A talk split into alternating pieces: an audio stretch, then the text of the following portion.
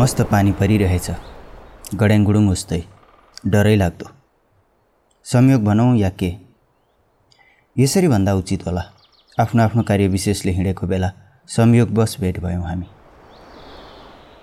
आँपको ठुलो रुख पटक पटकको गड्याङ आवाज झस्किँदै तर्सिँदै यत्रो दर्कने पानी छेल्न उभिएकी तिमी। शरीरमा भिज्न बाँकी कुनै ठाउँ रहेको होइन। तर पनि शिरलाई एक हातले छेकेर ओत लगाइरहेछौ। अठार उन्नाइसको जवानी शरीर। नहुनु मामाभन्दा कानो मामा जाति भनेर होला पानीको चुटाइ सहनुभन्दा भिजे पनि ओत लाग्नु जाति भनी छहारी रोजेकी। यता म काम विशेषले बजार गएर फर्किरहेको छु। मौसमले घरिघरि झुक्याइरहेछ आजभोलि त्यही भएर रेनकोटले स्थान पाएको हुन्छ बाइकको डिक्कीमा। अघिसम्मको चर्को घाम एकाएक यत्रो तहल्का छक्कै पर्नु। धेरैलाई झुक्क्यायो यसले धेरैलाई रुजायो यसले। प्राय केटीहरू गर्मी छल्न पनि छाता बोक्छन्। तिमी चाहिँ किन नबोकी हिँडेकी हेर सबै भिजेर उनको छेउमा बाइक रोक्दै सोधेँ। चिनजान छैन हाम्रो तर पनि औपचारिकता नानी भाइ सिधै विषयवस्तुमा प्रवेश गरेँ। किनकि परिस्थिति यस्तै छ। मेरो आदत पनि छैन ढर्रा पार्ने। साइकलमा आउँदा कसले छाता ओढ्छ त? उनको उत्तर। अनि साइकल खै? मेरो प्रश्न। जसको थियो उसैले राख्यो। फेरि उनको उत्तर। जस्तालाई त्यस्तै। ए भनेपछि तिमी साइकल पुर्याएर फर्किए कि? हजुर। अनि तपाईँ कता लाग्नु भयो लौ चिनेकी रहेछन् कि क्या हो? जससँग भएँ। अनि भने घर। कहाँ हो घर? फेरि चिनेको त छैन रहेछ। दुविधामा परेपछि सोध्नु त पर्यो सोधिहालेँ। उनको हक्कीपनाले पनि सरल बनाइरहेको थियो। तिमीले चिनेको हो र मलाई? होइन। अनि? अनि के को अनि? एउटा केटी भिजिरहेछे। उसको अगाडि एउटा मान्छे फ्यास बाइक रोक्छ भने किन चिनिरहनु पर्यो? सहयोग गर्नलाई त रोकेको होला भन्ने सम्झनु कि चिन्जान गर्न रोकेको सम्झनु? यस्तो बेलामा। पानी परेको बेला उनको उत्तरले म आफै पानी पानी भएँ। अब बाँकी के रहेर बोल्न? तैपनि बोलेँ घर त थाहा हुनु पर्यो होला नि पुर्याइदिनलाई। फेरि बाटैमा किडन्याप गरेर लग्यो भने को जिम्मा? सबैभन्दा गल्ती यो अन्तिम प्रश्न सोध्नमा गरेँ। त्यसपछि त उनी यति भम्किन् कि बाफ रे मेरो अनुहार किडन्यापर जस्तो छ। म त्यस्तो थर्ड क्लास देखिन्छु इत्यादि। झन्डै भाग्नुपर्ने अवस्था आयो। लौ लौ बस पछाडि भनेर बाइक स्टार्ट गरेँ।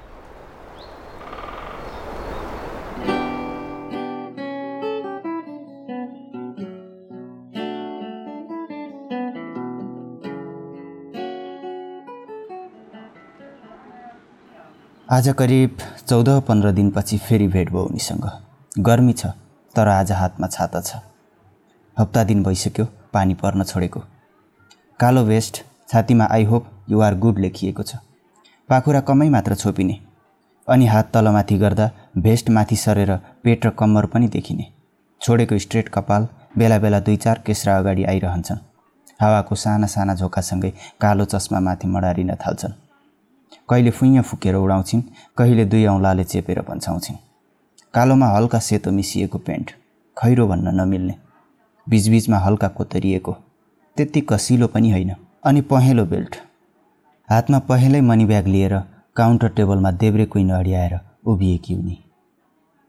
सायद चेन्जको पर्खाइ होला न लिपस्टिक न गाजल न लाली। साँच्चै भनौँ कस्तो शीतल देखिएकी छिन्।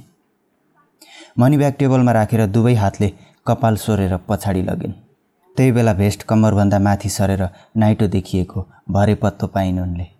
यताउता पल्याक पुलुक हेर्दै हत्तपत्त मिलाइन्। म हेरेको हेरे भएँ कस्तो छिनेको कम्मर रहेछ उनको। पापीमन भुत्तुक्कै भएँ त्यही क्रममा मसँग आँखा जुद्यो। नदेखे जे गरी शिर निहुराएँ। अनि नास्तामा ध्यान। एउटा स्त्री आवाज नजिकै आएर प्रश्न गरिन्। शिर उठाएर हेरेँ। उनी नै रहेछन्। तपाईँ त अस्तिको मान्छे होइन? हो भन्नै मन लागेको थियो तर अलि ठट्टा गर्न मन लाग्यो। र भने तेइस चौबिसको भइसकेँ तिमी अस्तिको देख्दैछौ। साइडमा बसेको मान्छेले समोसा सर्कायो। उनी उसलाई हेरेर हाँस्न थालिन्। मैले तुरुन्त सोधेँ आज त छाता पनि रहेछ? साइकल छैन होला होइन? नास्ताको पैसा तिर्दिने भए घरसम्म बाइकमा लगिदिन्छु। नपत्याउँदो पारामा पक्का भनिन्। मैले पनि ख्याल ख्यालमै पक्का भनिदिएँ। अनि त फसाद। साउजी उहाँको कति भयो? एउटा चिसो पनि थपिदिनुहोस् त। बिचरा मेरो अनुहार हेरेर अघिको समस्या सर्काउने व्यक्ति हाँस्न नसकेर प्लेट टिपी अर्को टेबलमा गई बस्यो। कुन दिन चाहिँ नराम्ररी फसाउने परि मरिले सोच्दै नास्ता सिद्ध्याएँ। खतरा खुत्रुक दुई चार सामान किनेपछि घर फर्किने बेला भयो तर उनी बेपत्ता। आ जेसुकै होस् भनेर रेस्टुरेन्ट अगाडि पार्क गरिएको बाइक छेउ पुग्दा त उनी पर्खिरहेकी। खिस्सा हाँसेर अब जाने होइन भने। म त अघि नै रेडी भएँ कि नि? तपाईँ पो कता हराएर? म फेरि मौन। पछाडि चढ्दै गर्दा उनले भनिन् अरू केटाहरू त बाइक मोडी गरेर पछाडि उठाउँछन्। तपाईँ चाहिँ किन यस्तो नि? बच्चै रहेछ जस्तो लाग्यो। उत्तर दिन जरुरी ठानेन। हिँडाउन मात्र के लागेको थिएँ? के के नभए जस्तो गरेर कराएँ? ए साँच्ची तपाईँको नाम के हो? तल झर अनि बाटो लाग भन्न मन लागेको थियो। नास्ताको पैसाले रोक्यो। खाल्टाखुल्टी बाटो उनको अप्ठ्यारो बसाई। पानी परेको दिन पनि निकै गाह्रो परेको थियो। आज पनि उस्तै। बसाइ मिलेन त कसरी भनौँ तर पनि अलि स्लो गरेर सोधेँ। अप्ठ्यारो त भएको छैन नि? जसरी सजिलो लाग्छ त्यसरी बसे हुन्छ। यति के भनेको थिएँ? पहिले छेउमा बसेकी उनी नजिकै सरी। अनि त उनी छिन्की छैनन् जस्तो भयो। हुन त उनको घर मेरो डेराभन्दा नजिक छ बजारबाट। तर बाटो फरक। उनलाई घर पुर्याएर मेरो डेरा पुग्न साबिकको भन्दा आधा घन्टा ढिला हुन्छ। यसो सोचेँ किन गर्दैछु यो दुःख? को हो यो केटी? कुन दिनमा भेट भएछ बा? चिन्नेले देख्यो भने पछि लाग्दैछ भन्ने होला। सोच्दा सोच्दै उनको घर आइपुग्यो। कपाल सम्याउँदै चिसो लिएर जानुहोस् गर्मी छ। औपचारिकता निभाइन् मेरो आँखा फेरि त्यही छिनेको कम्बरमा पर्यो। त्यस्तो हतार त नहोला। फेरि अर्को भूमिका। हेलमेट भित्रैबाट निहालेकोले कहाँ हेर्दैछ भन्ने भ्यू पाइन। आ के बस्ने सोचेर अघि रेस्टुरेन्टमा पिलाएको होइन? भाग्न खोजेँ। किन पाइन्थ्यो र? त्यो आर्टिफिसियल म नेचुरल पिलाउँछु। मन फेरियो पश्चिमभित्र सानो तर व्यवस्थित घर। करिब तिन पोइन्ट पाँच फिटको प्यासेज। चार कोठा लगभग दस बाई एघारको। अगाडि पाली तानेर सानो सिकुवा बनाइएको। एकमुष्ट भनौँ मजैले सजाइएको। यता बस्दै गर्नुहोस् भनेर ढोका उघारिदिन् र उनी अन्तै लागिन्। एकैछिनमा हातमा दुईवटा प्लेट र एउटा खरबुजामा चाकु गाडेर ल्याइन्। एउटा प्लेट टेबलमाथि मथिर सारिन् र म अघिको सोफामा बसिन्। सरासर खरबुजा काटेर दुईजना मलाई दिइन् र एकजना आफूलाई राखिन्। नुन ल्याउँ मिठो हुन्छ यसमा भन्दै जुरुक्क उठिन्। मैले हुन्छको शैलीमा टाउको हल्लाएँ। बाँकी खरबुजा लिएर गइन्। सबै खाइदेला जस्तो दुई पिस दिएर बाँकी लुकाई। सोच्दै थिएँ उनी टुप्लुक्क आइपुगिन्। चाना टिपेर करप्प मात्र के टोकेथेँ निल्नु न उकल्नु भयो। फ्रिजमा राखेको रहेछ। दाँत र जिब्रो ठिर्याएर बिजोक यताउता हल्लाएर जबरजस्ती निले र बाँकी चाना प्लेटमा राखेँ। किन? मिठो छैन? प्रश्न तेर्सिहाल्यो। मिठो छ? चिसो रहेछ? अलि सेलाओस् भनेर। कितित्त हाँस्दै चिसो? त्यो माथि सेलाओस् रे? फेरि सम्हालिँदै सरी सरी पाहुना पो त भन्दै फेरि हाँसिन् म मुस्कुराइ मात्र रहेँ। यहाँ मासतिर एकजना पण्डितको घर छ। त्यहाँ जाउँ है। उनको यो प्रस्तावले पारो तात्यो। कस्तो ताइना तुइको केटी रहेछ। जति खुवाउँदै गयो उति काम लगाउँदै रहेछ। रिस पोख्नु त भएन। जिज्ञासा देखाएँ। किन? हजुरको नाम जुराउन। मेरो नाम त छँदैछ नि। त्यस्तो अरूलाई सुनाउन नहुने नाम किन चाहियो? किन यो कुरा गरिन् भन्ने मेसो पाइनँ? र सोधेँ। किन नहुनु? हुन्छ। त्यसो भए अघि सोद्धा किन नभन्नु भएको त? ए बल्ल बुझेँ। अघि बजारमा मेरो उत्तर नआएपछि यहाँ खरबुजा खुवाएर ओकाल्न लगाउँदैछ। मजैले हाँसेँ अनि भने पवन पवन हो मेरो नाम। तिम्रो नि? भन्न मिल्छ? सोधे पो भन्नु। ल सोधेँ। शीतल हो। पुरा नाम शीतल कुमारी राउत। नेचुरल चिसो सिद्धियो। बिदाबारी भयो बाटो लागियो।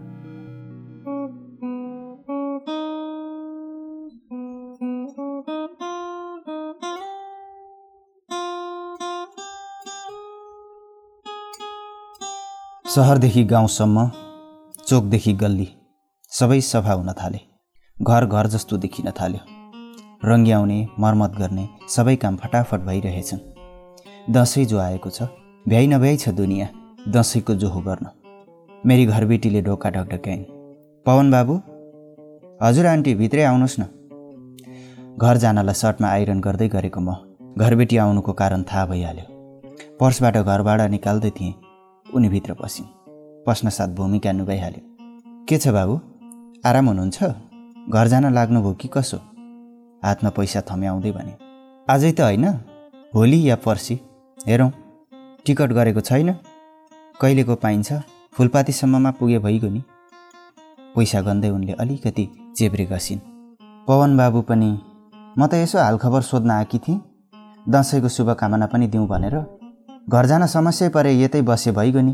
अङ्कल आन्टी भन्नुहुन्छ आज अङ्कल पनि आउनुहुन्छ टिका लगाइदिउँला। हुन त हो आन्टी तर बाआमाले दुःख मान्लान् वर्ष दिनको चाड। तैपनि टिकट नपाए बसौँला न यतै। उनको ढर्रामा मैले नि तेल घसिदिएँ। ए भनेपछि अङ्कल आज आउनुहुने अनि अनिल? अनिल उनको छोरो। एउटै मात्र सन्तान। छोरी जन्मिएको छ दिनमै जन्डिसले लगेछ। नामसम्म राख्न पाएनछन्। अङ्कल सहरमा सरकारी जागिरे छन्। छोरालाई पनि उतै राखेर पढाएका। उनी यही घर हेर्दै यसो घुम्ती पसल गरेर समय बिताउँछिन्। अनिल यसपालि स्कुलले दसैँ विशेष प्रोग्राम राखेको छ अरे सकेर आउँछ फुलपातीको दिन। ल बाबु अलि बिजी छु बजार पनि जानु छ। अङ्कल घर आएपछि सेल नखाइ हुँदैन। पिठो पिसाउनु पनि छ। लाग्यो दसैँको भन्दा बढी हर्क। बुढो आउनुमा छ यिनलाई। हुन्छ हुन्छ भनिदिएँ अलि बढी चेब्रे घसेर बोल्छिन्। तर यत्तिको घरबेटी कमै मात्र पाइन्छ अन्त।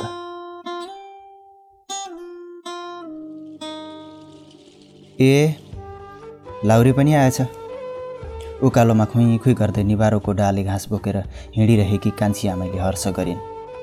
कान्छी आमै उनको उपनाम हो। तर खास नाम कसैलाई थाहा छैन।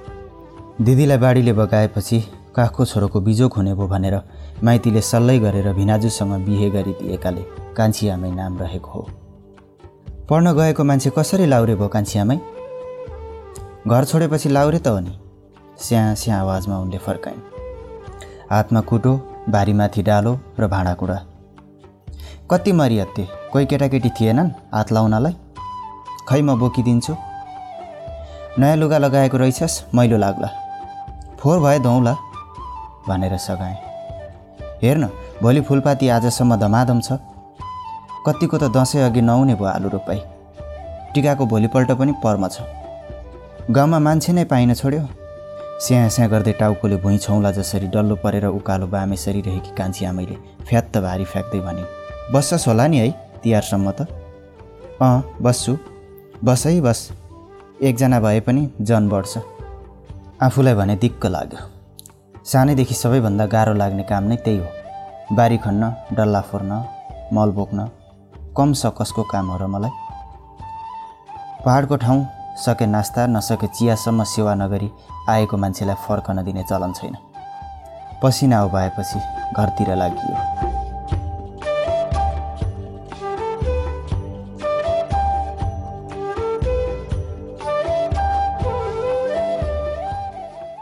बल्ल सवारी भयो हजुरको।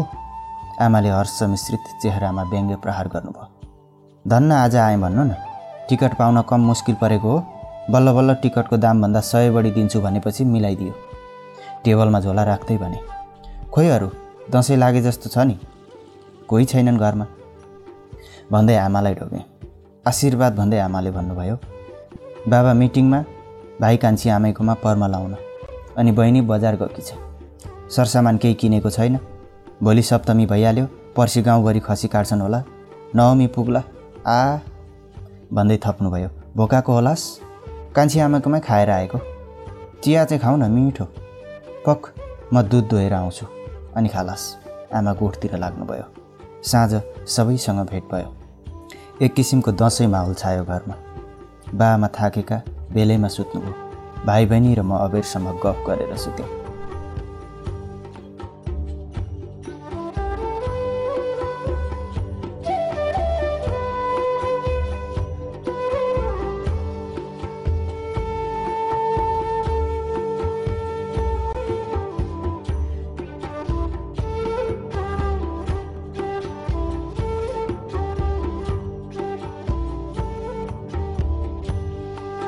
बिहान निन्द्राले छोड्दा उज्यालो भइसकेको छ।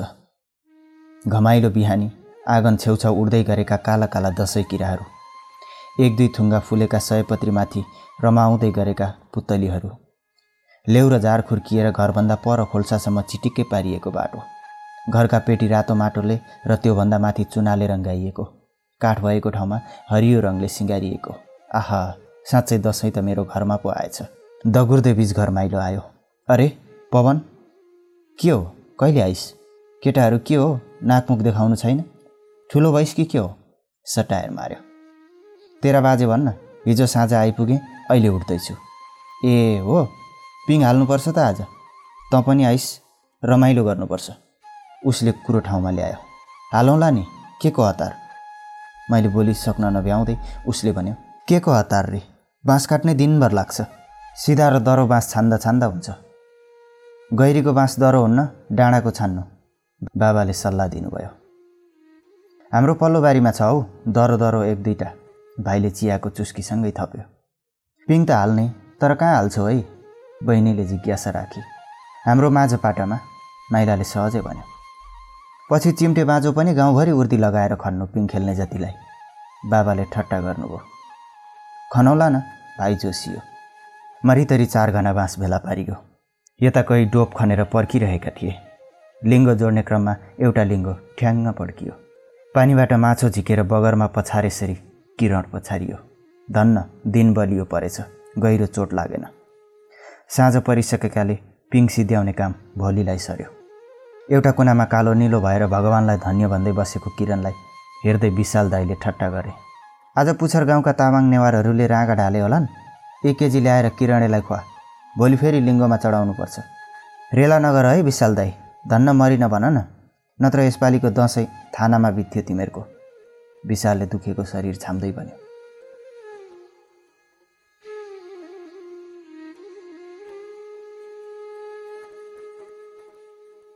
सबेरैबाट चहल पहल छ। घरका दरिलो खुकुरीहरूमा सान र रेती लाग्दैछन्। पहिलो मार ओमप्रकाशको हान्ने निर्णय भएछ। ठुलो खसी पहिला ढाल्ने भनेर। सुरजले घिच्रोको डोरी तनक्क पार्यो। ओमप्रकाशले पछाडिको खुट्टा तन्कायो। केराको दाम्चो घुसाइयो खसीको घाँटी सिधा पर्ने गरी। कुमार थापा ओमप्रकाशको बाबु एक हातमा रक्ती थाप्ने कराई र अर्को हातमा अम्खोरा लिएर तम तयार भए।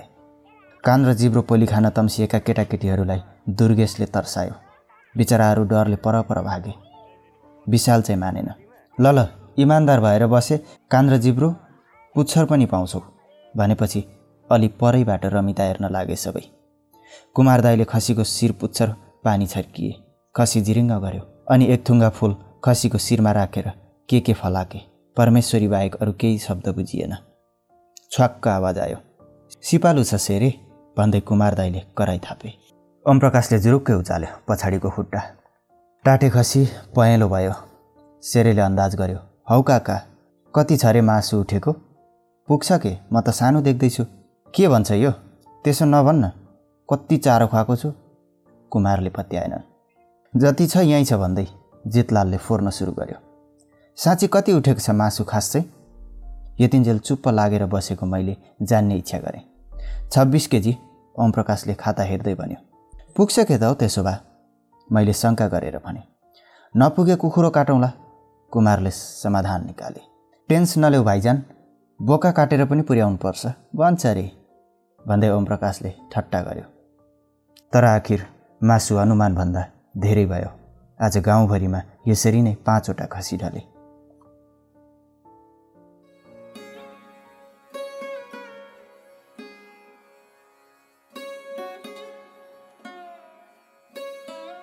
टिका सकियो।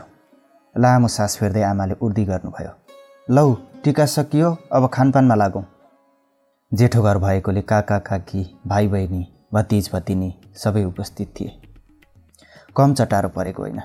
नित्यकर्मदेखि लिएर पूजाआजा टिका चढाउने पकवान तयार पार्ने टिकाको साइद पनि कटाउन नमिल्ने। सबै कर्म सिद्ध्याउँदा दिनको दुई नागिसकेछ। बहिनी मामा घर जान्छु भनेर तम्सिँदै थिए। आज अबेर भयो भोलि जानु भनेर सम्झाउनु भयो बाबाले। दाजुभाइले बलले भ्याएसम्म कसिलो डाले घाँसको भारी गोठमा पछार्यौँ अनि गाउँका दुई चार ठिट्टाहरू जम्मा भएर लागियो गैरी बजार घुम्न। टिका थाप्न आउने र जानेहरूको हल्का चहल पहल छँदैछ। दुई चार पसलहरू पनि खुलेका छन्। हुन त त्यस्तो बजारै भन्न मिल्ने होइन।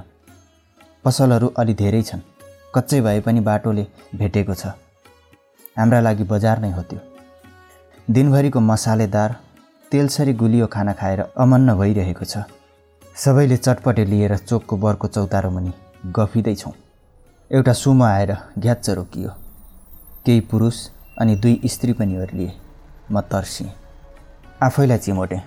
दुख्यो। गालामा प्याट्ट हाने। अनि यताउता निहालेँ। विश्वस्त भएँ। वास्तविकतामै छु। तर मैले देखेको यो स्त्री के यो स्त्री पनि वास्तविक हो?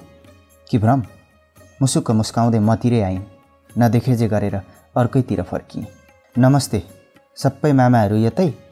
चोकमै टिका लगाउनु भयो जस्तो छ नि यसपालि। अब त शत प्रतिशत विश्वास भयो कि यो स्त्री शीतल नै हो। तर यहाँ कसरी? अनि मेरा छिमेकी कसरी यिनको मामा?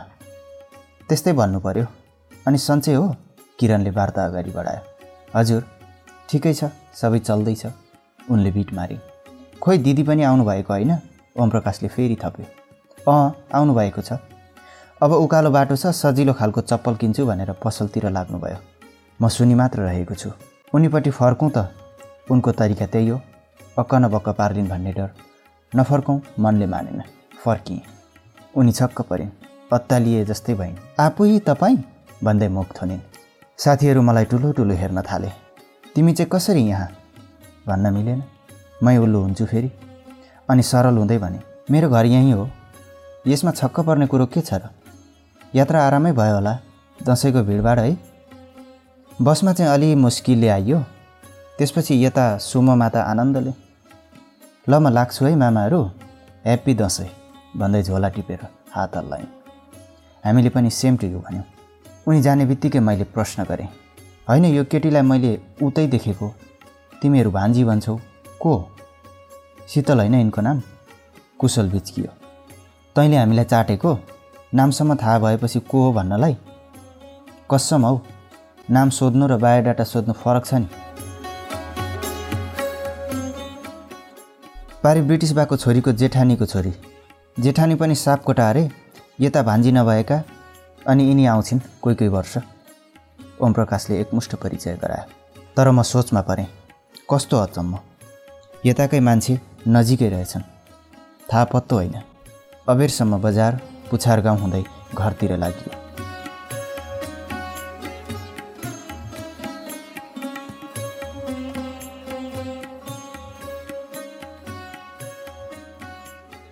दसैँ सकियो तिहार सुरु अर्को धमाधम। चेलीहरूको अझै बढी चटारो। माला उन्न घर लिपोत गर्न उनेको माला सजाउन झर्का र तामाका भाँडाकुँडा टल्काउन उस्तै चटारो। बेला बेला बहिनी थर्काउँदै गर्छे। यहाँ आएर सघाओ ए गोरुहरू। के सजिलो सजिलो काम रोजेर बसेको? साँझको लक्ष्मी पूजा सकियो। आँगनमा भैलीका ठुला साना दुई हुल चेलीहरूले झलमल्लै पारेर गए। रात अबेर भइसकेको छ। बहिनीहरूको टोली आउनै बाँकी छ। ल है छोरा हो त्यहाँ गणेशमुनि पैसा छ। राति आउने भैलीलाई विचार गरेर दिनु। आमाले ओछ्यानमा पल्टिँदै भन्नुभयो। आफू त घाइते मान्छे उठै भाइ मैले भने। के भएर तँलाई? बाबाले सोध्नुभयो बिहान पूजा गर्दा गाईले घुँडोमा लात मारेको? आमाले उत्तर दिनुभयो स्याहार नगरेको मान्छेले पूजा गर्यो भनेर होला। बाबाको सटायरमा भाइले हाँस्यो ल केटो आज म उठ्छु भोलि तेरो पालो नि। फेरि भन्दै सिरकले मुख छोपेर भाइ सुत्यो।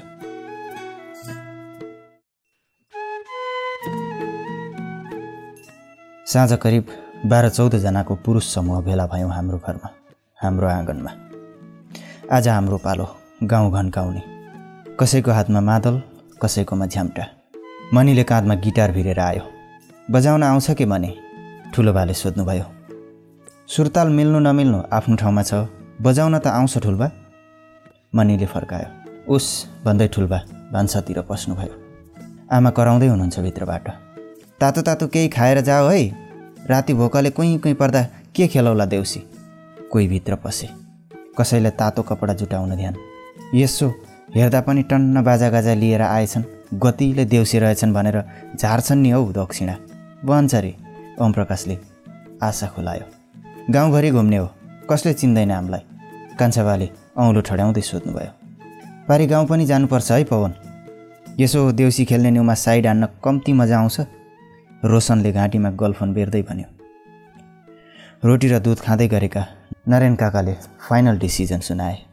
हेर केटा हो आज तिमीहरू जल्दा बल्दा मात्रै छैनौ। तिमीहरू छौ भनेर चाहिनेमा हामी बुढापाखा पनि तम्सिएका। रमाइलो गर्ने हो। चाहिनेमा अर्को साल को कता कसलाई के कसले जानेछ? आज गाउँ खेल्ने भोलि जाओ पारिसारी। सबैले सहमति जनाए। त्यतिन्जेलमा सत्र अठारजनाको टोली भइएछ। बिहान पाउने चार बजे देउसीको बिट मारियो कान्छी आमैकोमा भोलिको छठ हेर्नको लागि आजै फर्किएँ घरबाट। कम बिजोग भएको होइन। मुढाको बसाइ ठेलमठेल उस्तै। कस्तो खल्लो लागिरहेछ। बाइस दिनको घर बसाइ अनि चाडबाडको रौनक। बेग्लै मजा थियो। कानमा मादल र गिटार गुन्जिरहेछ पर पृष्ठभूमिमा। अनि झ्याम्टाको झ्याङ झ्याङले बेला बेला झस्काइरहेछ। आफैभित्र हराइरहेँ अन्त कतै ध्यान गएन बाटोभरि। कोठामा छिरेर बर्लङ्ग पल्टिएँ पलङमा। तनाव त तब अझै बढ्यो जब आमाले हिँड्ने बेला निन्याउरो चेहरामा भन्नुभएको कुरा याद आयो। अब त यसो सानोतिनो काम पाए गर है बाबु। भाइ बहिनीलाई पनि उति नै खर्च हुन्छ। तँलाई अनुभव पनि हुन्छ। बाबाको कमाइले मात्र धान्न सकिएला जस्तो छैन। मन लागेको कुरो किनिखा भन्दै हातमा पैसा राख्दै भन्नुभएको थियो। जागिर त खाने तर कसले दिन्छ जागिर? बालुवा निचोरेर तेल निकाल्न खोज्नेहरू मात्र छन् वरिपरि। कतै काम पाइहाले पनि पढाइमा असर पर्ला। आ जेसुकै होस् भनौँ भने आमाको त्यो भनाइमा धेरै कुरा लुकेको छ। भोक प्यास सब हरायो। आँखा रसाएर आयो। जब आमाले दिनुभएको पाँच दस बिस पचास सयका एकमुठी पैसाहरू मिलाउन थाले। जुत्ता मात्र फुकालेर त्यत्तिकै सुते।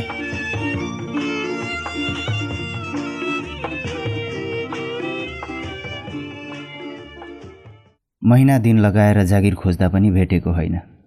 दुई चार स्कुलमा धाएँ तर यो मध्य वर्षमा कसले दिने? प्राइभेट अफिसहरू पनि नधाएको होइन। बेली बिस्तार बायोडाटा सोधेर अन्त्यमा अनुभव भएन भनी नकारे। सबैतिर कि त आफन्त हुनु पऱ्यो उनीहरूको कि त गतिले अनुभव। म न आफन्त परेँ न मसँग अनुभव नै छ। अब अन्तिम प्रयास गर्छु भने केही पसलहरू चाहरे। एउटा हार्डवेयर पसलले दिने भयो काम। काम गरेको दिनको रु एक सय पचास र एक छाक खाना दिने भयो। यसो हिसाब लगाएँ। चान्चुन आठ हजार पुग्ने रहेछ। राम्रै हो भन्ठाने। तयार भइयो काम गर्न। सानैदेखि बल लगाउनु पर्ने काम गर्न भनेपछि पसिना छुट्ने म आज आएर हार्डवेयरमा काम रोज्दैछु। थुक्क जिन्दगी। आफैलाई धिक्कारे। काममा गइन। कारण काम भएर होइन। समय मिलेन। पसल बिहान आठ बजे खुल्छ। तिमी नौ बजेदेखि आउनु। पाँच बजे बिदा। कहिलेकाहीँ अबेरसम्म काम गर्नुपर्छ र ओभर टाइम मिल्छ। हिँड्ने बेलामा साउले भनेको थियो क्याम्पस साढे दसमा छुट्छ। कहाँबाट पुग्ने नौ बजे? अनि साँझसम्म काम गरेपछि थकान लाग्छ। पढाइ त बिल्लीबाट हुने भयो। कुनै व्यवसाय सुरु गरौँ भन्ने परिवारसँग लगानी छैन। जागिर पाउने हालत यस्तो। पढाइसढाइ छोडेर विदेश जाने विकल्पमा मनस्थिति पुग्यो। र विज्ञापन सुन्न थालेँ अब एफएमआरूमा यसै क्रममा एउटा विज्ञापनले मन तान्यो। रेडियोले एक हप्ते उद्घोषण तथा व्यक्तित्व विकास तालिम राखेको रहेछ। उत्कृष्टलाई रेडियोमा काम गर्न दिने अर्को आश्वासन रु पन्ध्र सय तिरेर सकियो एक हप्ताको ट्रेनिङ। आठौँ दिनमा प्र्याक्टिकल भयो जागिर पाइयो तर सजिलो भने नहुने रहेछ। हप्ताको एक सो एक महिना परीक्षण काल नि शुल्क प्रायोजन ल्याउन सके सातै दिन सो चलाए पनि हुने। अरूतिर जागिर नपाएको रिस अनि दाम नभए पनि नाम हुने जोस लागि मरिमेटेरै रेडियोकर्मी भएर। यो मान्छेको दिमाग पनि बडो सोझो हुँदो रहेछ। मनले जति ढाँटे पनि पत्याइदिने जसरी ढाँटे पनि पत्याइदिने। तिस दिन काम गर्दा एक छाक खाएर पैँतालिस सय गोजीमा पस्थ्यो। त्यो हार्डवेयर पसलमा काम गरेको भए। तर मनले ठिक ठानेन दिमागले पत्याइदियो। आज महिनाको चार सय कमाई। बाइकमा तेल हाल्न पनि पुग्दैन। तर पनि मनले तँलाई मजा आइरहेछ गर भन्यो दिमागले पत्याइदियो पवनबाट पवन सर या पवन दाई भइयो। हप्ताको सातै बार एक एक घन्टा घन्किन्छ मेरो आवाज आजकल। पढाइपछिको पूर्ण समय रेडियोमा दिएको छु। केही बौद्धिक स्तर बढेको छ। कमै भए पनि केही मान्छेले चिन्छन्। हिजो को हो को हो म। आज कसैले भेटिहाले तातो चिसो सोध्छन्। यही रहेछ कमाई। भन्छ मन गोजी खाली हुन्न प्राय जसो तसो चल्दैछ एक्लो ज्यान। मेरो एकजना रेगुलर लिसनर छिन्। फोन इन कार्यक्रममा प्राय एक कल उनको हुन्छ। कुरो बुने र अन्य कार्यक्रमको पनि प्रतिक्रिया पस्कन भ्याउँछिन्। कहिलेकाहीँ उद्घोषकलाई नै मुस्किलमा पारिदिन्छन्। हम्मे हम्मे पर्छ कुरो मिलाउन। जे होस् मेरो हौसलाको पात्र बनेकी छिन् उनै शीतल। आज पनि कार्यक्रम चल्दै गर्दा उनको फोन आयो। औपचारिकतापछि सामान्य गफ गफ सिद्धियो। अनि अन्त्यमा मैले भने तपाईँ र हाम्रो आवाजी सम्बन्ध लामो समयदेखि रहिआएको छ। समय मिल्छ भने कुनै दिन आउनुहोस् एफएम घुम्न। स्वागत छ।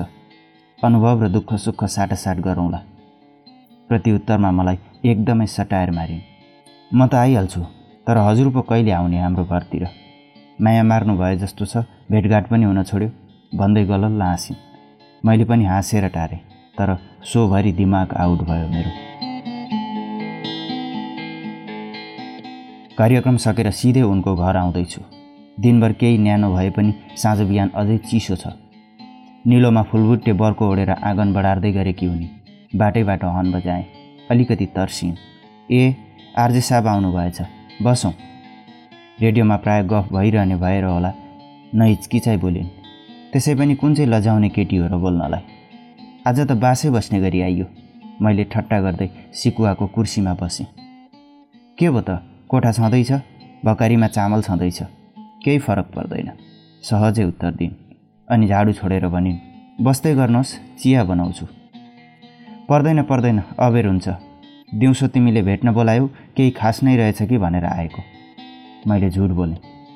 खासमा रेडियोमा त्यसरी बोल्दा अन्य श्रोताले अलिक फरक तरिकाबाट सोध्छन् भन्न आएको हुँ। तर सकिनँ। खै? किन थाहा भएन। खास त खास नै थियो तर तपाईँहरू जस्तोले अलि बुझ्नुहुन्न। रेडियोमा सबैसँग उस्तै भइदिनुहुन्छ बाहिर निस्केपछि आफ्नै ताल। के भन्न खोजेकी हुन्? कता कता बुझे जस्तो पनि लाग्यो कता कता अन्यल पनि। अनि सम्झे जस्तो गरेर भने ए साँच्ची दिदी भिनाजु खै यसो भेटेर जान पाए चिन्जान हुन्थ्यो? मम्मी भान्सामा हुनुहुन्छ बाबा दुवैमा अनि बस्ने गरी आएको भन्नुभयो होइन? जवाफसँगै प्रश्न थपिन्। होइन ठट्टा गरेको। आज अलि धेरै काम छ पछि आउँला न। कमसेकम चिया त पिएर जानुहोस् बिन्ती गरिन्। चिया पनि पछि नै पिउँला। एकैचोटि दुई कप भन्दै उठेँ।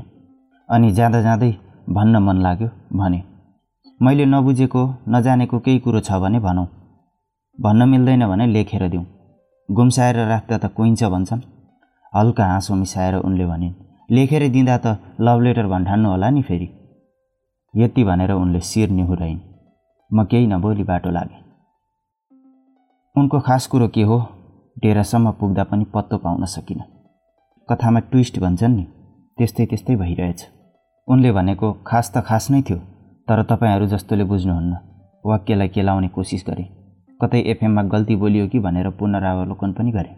तर मरिकाट्य भ्यू पाए त मर्नु। अनि फेरि अर्को लेखेर दिँदा त लभ लेटर भन्ठान्नु होला नि। यो वाक्यले त झनै सोचमा पार्यो।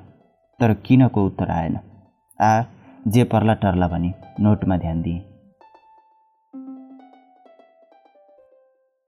नचिनेको परिवेश अनौठो वातावरण। सबै अजिब। कता कता। चलाङ बल्याङ आवाज। कोही भनिरहेछ मतिर आइज। म उतै लम्किन खोज्छु तर पाइला चल्दैन। फेरि अर्को भन्छ म हुँ तेरो सपथोक। आइज। त्यतै लम्किन खोज्छु पछाडिबाट अदृश्य शक्तिले रोक्छ। बल्ल बल्ल धेरै बाटोहरूबिच एउटा बाटो रोज्न पुग्छु तर त्यो बाटो घरिघरि हराउँछ घरिघरि अलि पर देखा पर्छ। आफैलाई छाम्न पुगेँ तर पाइनँ। डराएँ। चिच्याउन खोज्छु आवाज आउन्न। सानो प्रकाश जस्तो वस्तु आँखा छेउैबाट उडेर गयो। अलि पर पुगेर प्रश्न गर्यो के गरिस्? के हुँदैछ? र के चाहन्छस्? मेरो आवाज खुल्यो। जहाँसम्म राम्रै गरे जस्तो लाग्छ। के हुँदैछ? त्यो त मलाई भन्दा बढी तँलाई थाहा होला। अनि मैले चाहेको सुख हो। सुख? कस्तो सुख? के सुख? सुखको पनि आकृति हुन्छ र? मनको सुख मनको। अनि यो बाटोमा सुख भेटाउँछस् त? मेरो उत्तर नसुनी त्यो आकृति विलिन भयो। अनि म जस्तै तर एकदम मधुरो अर्को आकृति देखा पर्यो। मैले प्रश्न गरेँ तँ को होस् फेरि? म तेरो वास्तविकता। अनि अघिको तेरो मन। दुवै हात फैलाएर आइजको इसारा गर्यो। म उतर्फ पाइला चाल्न खोजेँ तर दलदलमा उभिएको रहेछु एउटा खुट्टो भाँसियो। बल्ल बल्ल त्यो खुट्टो निकालेँ अर्को भाँसियो। म बेजोड कोसिस गर्न लागेँ। उता वास्तविकता राक्षसी हाँसो हाँस्न लाग्यो। उसको हाँसो मधुरबाट टड्कारो भन्दै गयो। हुँदा हुँदा कानैमा आएर चिच्यायो। म भाग्न खोजेँ तर पछारिएँ। पलङबाट तल खसेछु। उता मोबाइलको रिङ घन्किरहेको रहेछ एफएमको नम्बर रहेछ। रहरभन्दा पनि आवश्यकता परेर गत महिना एउटा मोबाइल लिएको हुँ। रिसिभ गर्दै एक बोतल पानी सिध्याएँ शरीर पसिनै पसिनाले भिजेछ। उताबाट स्त्री आवाज आयो के हो आरजे साहब? मान्छेलाई एफएममा बोलाएर आफू चाहिँ अन्तै बिजी भइदिने? फेरि नम्बर हेरेँ। एफएमकै रहेछ। निन्द्राबाट भर्खर बिउजेर होला आवाज चिन्न सकिनँ अनि सोधेँ को बोल्नु भएको तपाईँ?